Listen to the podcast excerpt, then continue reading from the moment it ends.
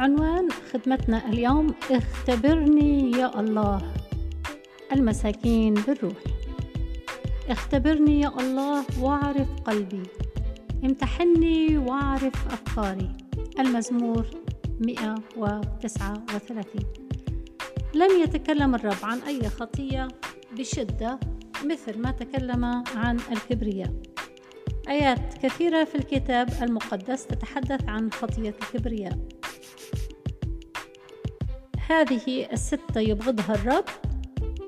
وأول هذه الستة هي عيون متعالية.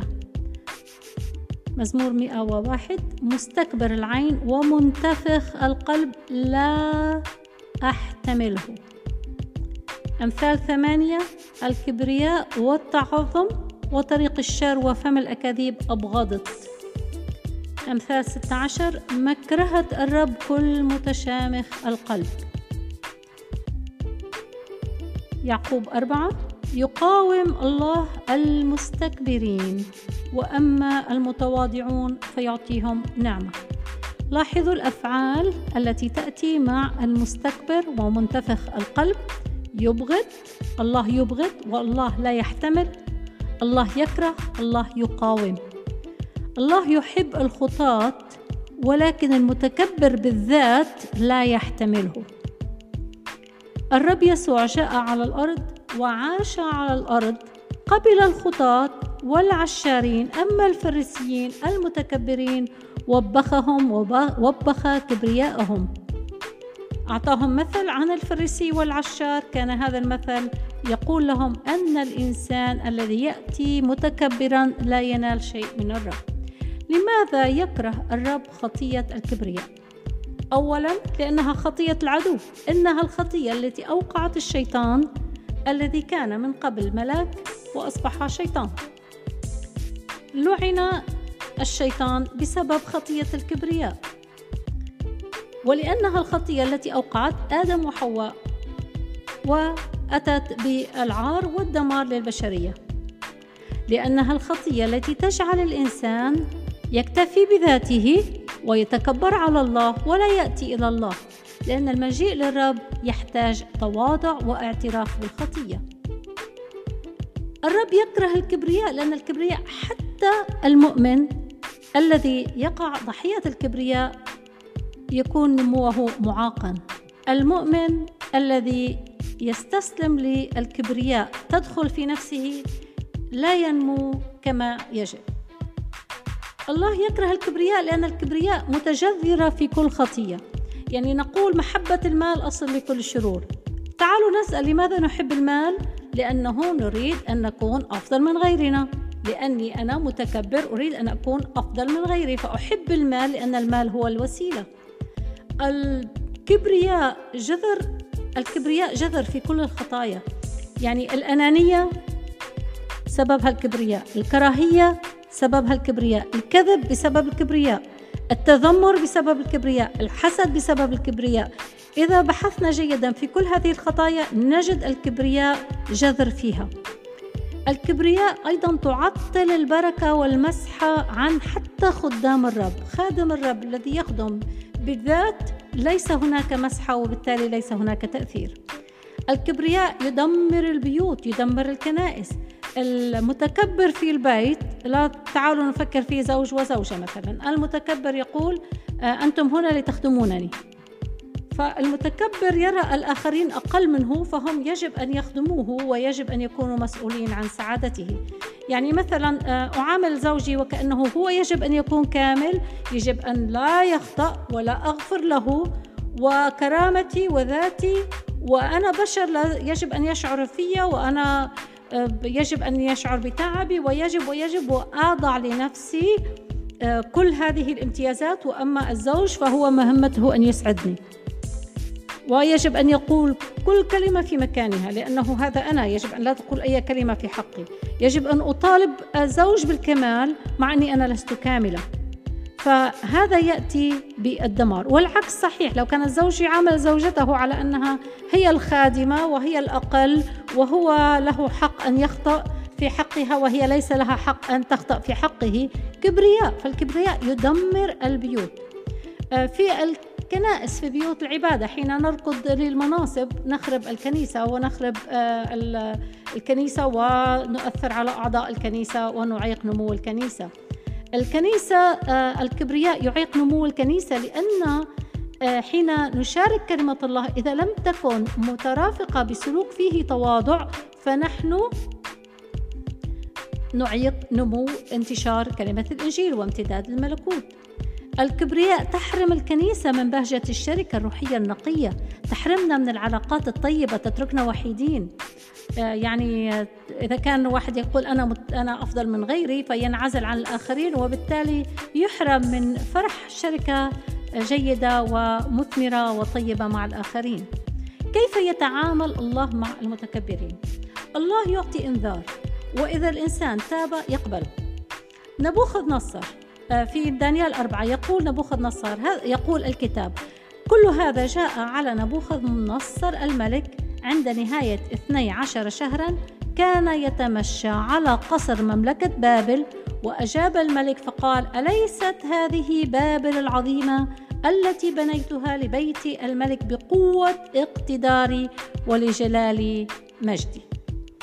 فهنا متكبر ويقول أن كل ما صنع هذا بقدرته ولا يعطي الفضل لله فتأتي يأتي صوت من السماء. هنا صوت الإنذار يقول لك يقولون يا نبوخذ نصر الملك إن الملك قد زال عنك ويطردونك من بين الناس ويكون تكون سكناك مع حيوان البر ويطعمونك العشب كالثيران فتمضي عليك سبعة أزمنة حتى تعلم أن العلي متسلط في مملكة الناس وأنه يعطيها من يشاء.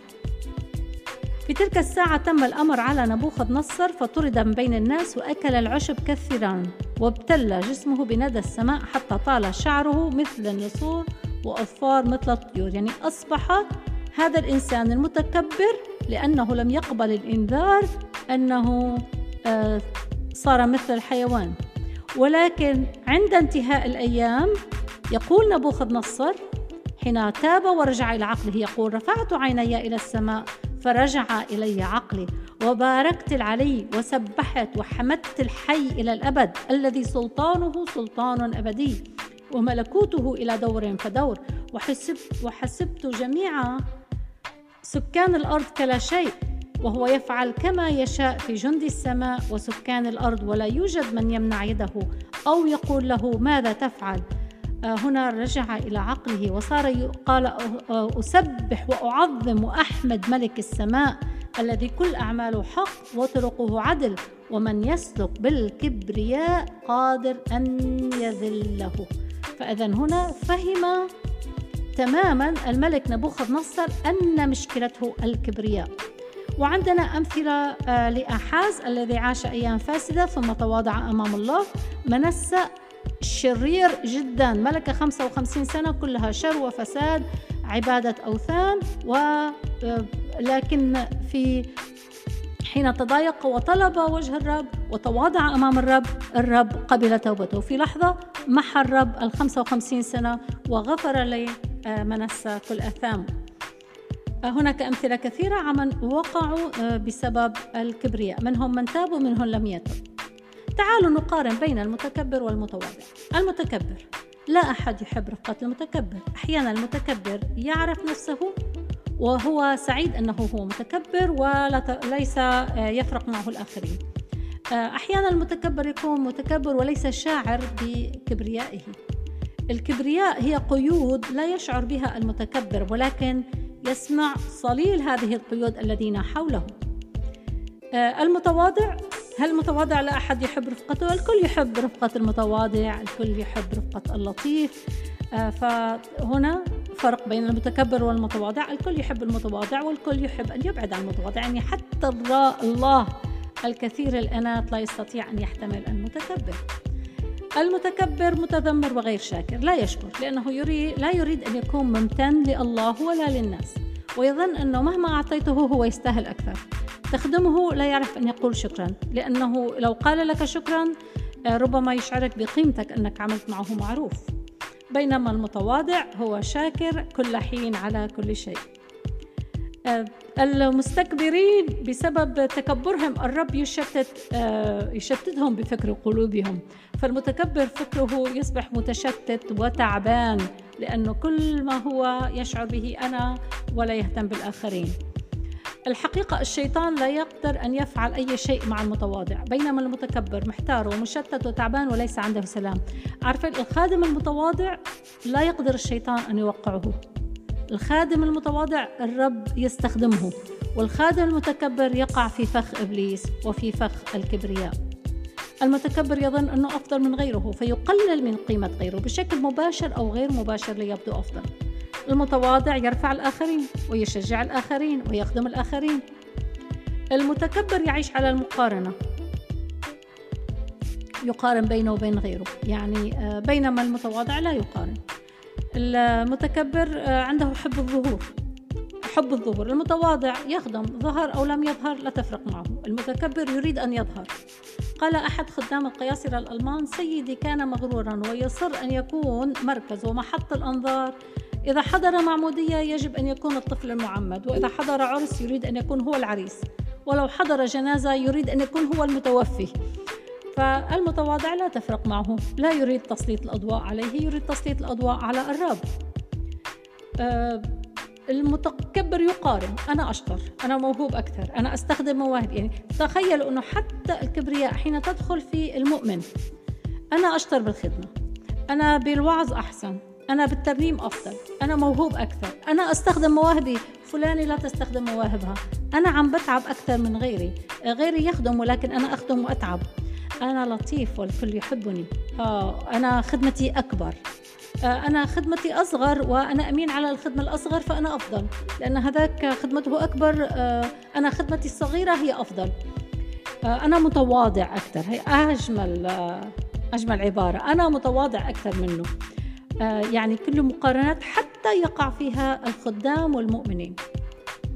فحتى بالخدمة آه، الأسيس آه، سعيد إبراهيم مفيد سعيد إبراهيم كان يتكلم عن المسكنة بالروح وكان يقول أن أحيانا حتى الخدام يتعرضون للغرور لأنه يقول أن الماء ينزل من الأعلى إلى الأسفل فنظن أن نحن بما أننا نعطي الماء بما أننا نعطي الغذاء الروحي للرعية فإذا نحن أفضل. آه، بعض الخدام يذهبون يسافرون تقدم لهم الناس الولائم والعزائم والتحيات وهذا يحمل له الحقيبة فيظن أنه أصبح يعني إمبراطور.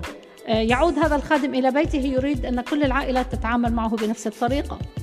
آه، كان عندنا قس اسمه القس منير حكيم زارنا وخلال زيارته كان عمره ثمانين سنة وقتها. هو الآن في السماء ولكن كان مصمم أن يحمل الشنطة. آه، كان يصعد إلى الدرج وينزل إلى الدرج معه الشنطة ونفسه يتقطع ولكن لا يريد أن أحد يحمل له الشنطة. يعني تواضع آه، رائع. ولذلك الرب استخدم هذا القس استخدام عظيم في مصر. المتكبر متعطش للمديح. لو سمعنا المديح هل نفرح؟ لو استمعنا النقد هل ننزعج؟ المتكبر يتضايق إذا ما أعطيته مديح. متعطش للإطراء. بين المتواضع مدحته أو لم تمدحه. لا فرق لديه. آه، الحقيقة المؤمن المتواضع تموت عنده الأشياء الجسدية. يعني الرب يريدنا أن نكون نصلب الجسد وأعمال الجسد. يعني لو رحنا إلى القبور ومدحنا الموتى آه، لا يردون. ولو آه، قلنا لهم ذم لا يردون. هكذا نحن. لا يجب أن ننتظر المدح ليرفعنا ولا الذم أن يزعجنا. المتكبر بالمناسبة دايما نفكر بالمتكبر أنه هو غني وعنده مستوى عالي ومتكبر. أحيانا الفقير يتكبر.